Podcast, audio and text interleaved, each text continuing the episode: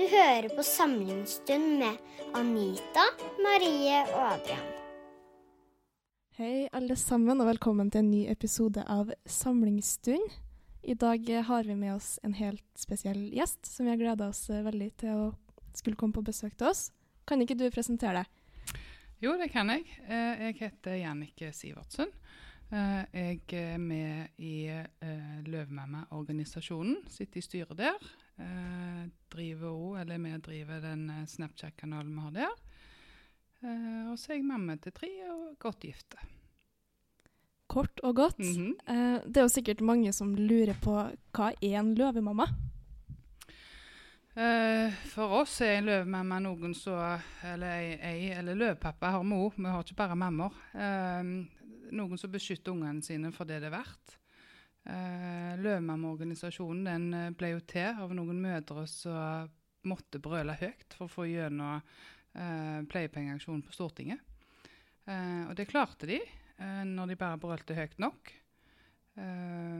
Så jeg tror det, er kommet, det navnet er kommet litt av det. At vi beskytter ungene våre og brøler høyt for dem. Mm. Jeg har jo fulgt med på Snapchaten deres i noen år nå, faktisk. Eh, og jeg syns det er utrolig lærerikt, mm. eh, alt det dere deler. Eh, kan du si litt mer om organisasjonen? Og hva er målet? Hva ønsker dere å nå ut med? Eh, målet vårt er jo å bli en stor organisasjon. Uh, og nå ut til flest mulig folk. Uh, selv om vi er store i dag, så er det ikke dermed sagt at alle har hørt om oss. Uh, og dette gjør vi jo for at vi vil hjelpe folk i en sårbar situasjon. Uh, det er voldsomt vanskelig å stå alene i noe når du plutselig får servert en ettermiddag klokka tre at barnet ditt er, alvorlig sykt. du vet ikke hvem du skal henvende deg til, du vet ikke hvor du skal gå, du vet, ikke, du vet egentlig ikke opp og ned. Eh, så Derfor er det jo da bra å ha en organisasjon i, i ryggen som har gjort dette før. Så vet litt veien å gå, og kan gå i lag med de, på en måte. Mm. Jeg skulle ønske at Løvemammaene var der når jeg fikk den første syke jenta mi for elleve år siden. Men da var de da ikke, så den, den veien måtte gå alene. Det var voldsomt ensomt. Mm. Løvemammaene snakker om veldig mange såre tema, og det er jo sikkert ganske tøft å være forelder oppi det her når du får et sykt barn. Uh, så det er jo utrolig fint at dere har en organisasjon som kjemper for rettighetene til de barna her. Mm, men har du noen spesielle kampsaker som du brenner litt ekstra for? Uh, jeg er voldsomt for BPA, uh, eh, brukerstyrt personlig assistanse. Det har vi fått sjøl. og når jeg så hvor godt det var for vår familie, så ble jeg rett og slett kjempeengasjert i det. Så det er min hjertesak i Løvmammene. Men vi jobber jo masse i kulissene, så dere ikke ser, verken på Snapchat eller ikke. Så, men for meg så er BPA kjempeviktig, og at vi får beholde de rettighetene vi har til ungene våre, og kanskje få noen nye inn i, inn i lovverket. Mm. Uh, I denne podkasten er det jo mange barnehagelærere som hører på.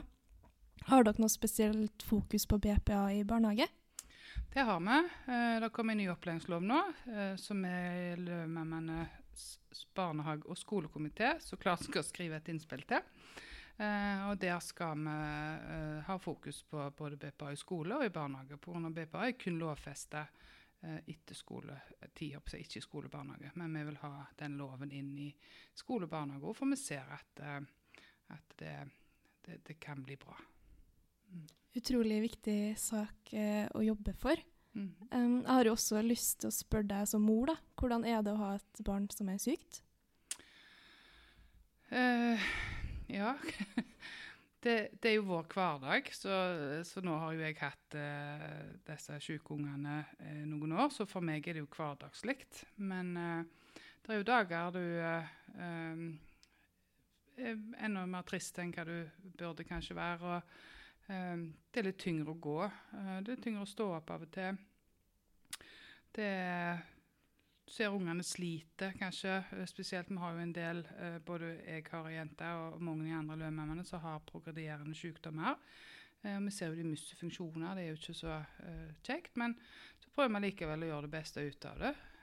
Men det er tøft til tider, og du må jo gå gjennom en sorgprosess.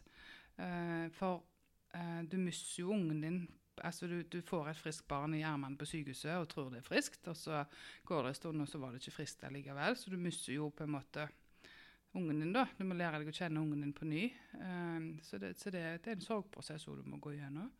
Så, så til tider ganske beinhardt, men um, vi kommer ut av det med begge beina på, på jorda hver gang. Mm. Vi som jobber i barnehage, da, lurer kanskje litt på hvordan kan vi møte deres familier best mulig? Egentlig bare første møte smile. Det, vi trenger voldsomt mye smil. Uh, og ikke være redde for å spørre. Uh, uh, jeg kan jo bare snakke ut fra min erfaring med vår barnehage. Uh, Barnehageskudnes Det er den beste barnehagen ever. Eh, der møtte de oss med, med, åpenhet. altså De lurte på hva de kunne gjøre for oss på en måte, som foreldre, da, og, og for Naida som skulle gå i denne barnehagen. Um, de lurte på hvordan de kunne tilrettelegge. Uh, vi måtte ikke mase på dem for at de skulle få rampe inn døra.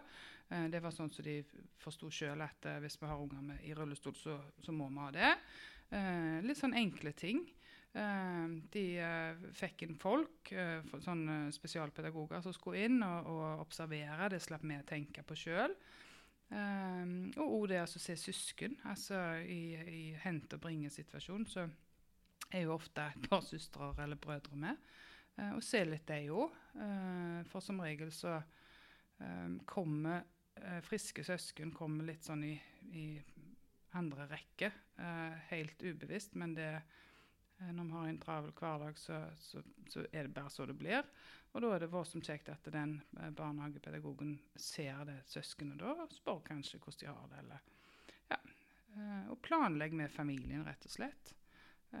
Fortell avdelingen, fortell andre foreldre hvordan det er. Selvfølgelig med samtykke for foreldrene, men at de slipper kanskje å fortelle det sjøl. mange gruer seg til å komme og fortelle at mitt barn er annerledes enn ditt. da kan dere være den som tar den historien. Um, så det er sånne små ting som an, og at uh, livet vårt blir litt lettere. Mm. Eh, det her med åpenhet, som du nevner, er jo kjempeviktig. Mm. Men jeg ser jo også for meg at det kan være litt vanskelig for pedagoger i barnehagen å faktisk tørre å spørre spørsmålene. Kanskje litt redd for å tråkke på tærne eller treffe tema som er litt betent. Mm. Har du noen tips i sånne situasjoner? Jeg har ikke det, altså. For at uh, uh, vi har alltid vært åpne om det, uh, helt siden hun først fikk diagnosen. Og jeg tenker jo at det er jo bedre at dere spør en gang for mye enn en gang for lite, kanskje. og blir foreldrene sure eller, eller lei seg, så, så, går det nok fort over, for de forstår jo at det er jo i beste mening. men trå litt varsomt. se litt personene an. Er det sånn at du kan tulle litt med? og og føle at du har en god tone med, så er det lettere å spørre kanskje enn en noen som kommer litt sånn lutrygga og ikke våge å si så mye. Men, men det er like viktige, de der, å, å, å spørre. Uh, men, men se litt situasjonen litt an. Men jeg tror ikke at noen blir sure uh, eller sinte av at noen spør. for innerst inne så tror jeg at alle vil at, at de skal vite altså, hva som er galt med deres unge. eller eller uh, hva diagnose de har. eller sånn. Mm. Ting, altså, ting, blir jo litt lettere da. Mm. Foreldresamarbeid er jo veldig viktig for alle barn. Eh, og så handler det jo litt om å se det i sammenheng med barnegruppa også. Um, hvordan ville du som foreldre, eller du som Jannike, da, at vi skulle ha fortalt resten av barnegruppa om et sykt barn? Mm. Uh, I oss gjorde de det voldsomt enkelt. Uh, det var i, i, uh, i, samling da, så de hadde om morgenen. Og da satte de seg ned og så kikker de på Skulle de se på hverandre. Og så sier hun, hun pedagogen, da, hun Monica, så vet jeg hva farge øyne har du? Nei, hun hadde blå. Ja, du det, du har brune. Dere er ikke like dere. Så begynte liksom på det nivået der, og så begynte jo ungene å bli litt sånn å, ja, men du har lyst hår, du har brunt hår, og, og, du sitter i rullestol i det, og det gjør ikke jeg, jeg må gå. Eh, litt sånn barneperspektiv, og det funka kjempefint. Eh, Ida hun var jo eh, kjempefornøyd, for hun hadde til og med blå øyne og, og, og hvitt hår, eh, pluss hun hadde rullestol. Eh, og det var det jo ikke så mange som hadde. Så hun ble jo unike på en måte som hun følte at hun var eh, kjempeunike på. Hun er jo det, men det ble liksom en positiv opplevelse for henne. da. Det var ikke rullestolen de så, det var det at hun var en av de få som hadde lyst hår og blå øyne og satt i rullestol. Um, så, så, du kan skifte fokuset litt på, på akkurat uh, altså, Du kan ikke sette deg ned og si nå skal vi snakke om Naida som har en muskelsykdom. Uh, du må på en måte um, innlemme de andre ungene i det òg. Uh, at de jo får snakke om uh, forskjellene. For alle unger er forskjellige. Noen har briller. Altså, det skal ikke så mye til før de eh, finner, finner, plassen sin i en gruppe. Mm. Det synes jeg var en utrolig mm. fin måte mm. å snakke om det på. og det er jo så viktig det du sier om at man må se mulighetene i hvert barn, mm. og ikke utfordringene. for alle er jo verdifulle akkurat som de er, og de har så masse å bidra til i barnegruppa mm. og lære av hverandre. Så det er mm. utrolig fint. Ja. Ida har jo gått i utegrupper, f.eks. I, i uh, et år. Uh, og det lurte de jo litt på hvordan skulle gå. Uh, og vi òg lurte litt på hvordan det skulle gå, men alle åpna ermene og dette skal vi fikse, så da fiksa de det. Så hun gikk et helt år på utegrupper med i lag med de andre første klasse, eller førskoleungene. Ja. Så det var kjempefint. Mm. Så alt går an. Alt mm. går an. Alt går an. Eh, ta det med dere, alle lyttere. Mm. Eh, legg til rette. Alt går an. Alt går an. Helt uh, avslutningsvis, da, uh, så er det kanskje noen som lurer på Oi, kan jeg bidra inn i arbeidet til Løvemammaene? Er det mulig? Det er det. Uh, hos oss er alle velkomne, om de har unger med diagnoser eller ikke, uh, som medlemmer. Uh, med diagnoseuavhengige. vi har begynt med noe som heter turterapi eh, rundt om i landet. Um, det er vi kjempeglade for, hvis noen av medlemmene våre hjelper oss til med det. For vi, vi er litt spredt, uh, vi som er i styret i Løvmennene. Eh, så det trenger vi ofte hjelp til. Og, og ja, uh, organisasjonsarbeid kan vi av og til trenge hjelp til hvis det er noe spesielt vi skal. Um, det går an å løpe Nå noen som har klovneløpet her i Trondheim, så de har, har vært med for Løvmennene. Nå var de vel ikke studenter, de som var med der. Så det var jo for studenter, som vi fant ut etterpå. Men det er litt sånn som du kan gjøre for å, å, å skape litt blest om Løvmennene òg. Mm. Ikke bare støtte oss som medlem. Mm. Mm. Da håper jeg at alle lytterne tar med seg litt perspektiv og tanker inn i arbeidet som barnehagelærer. Tusen takk, Jannike, for alt du har delt med oss. Vi er veldig takknemlige for det. Ha det bra.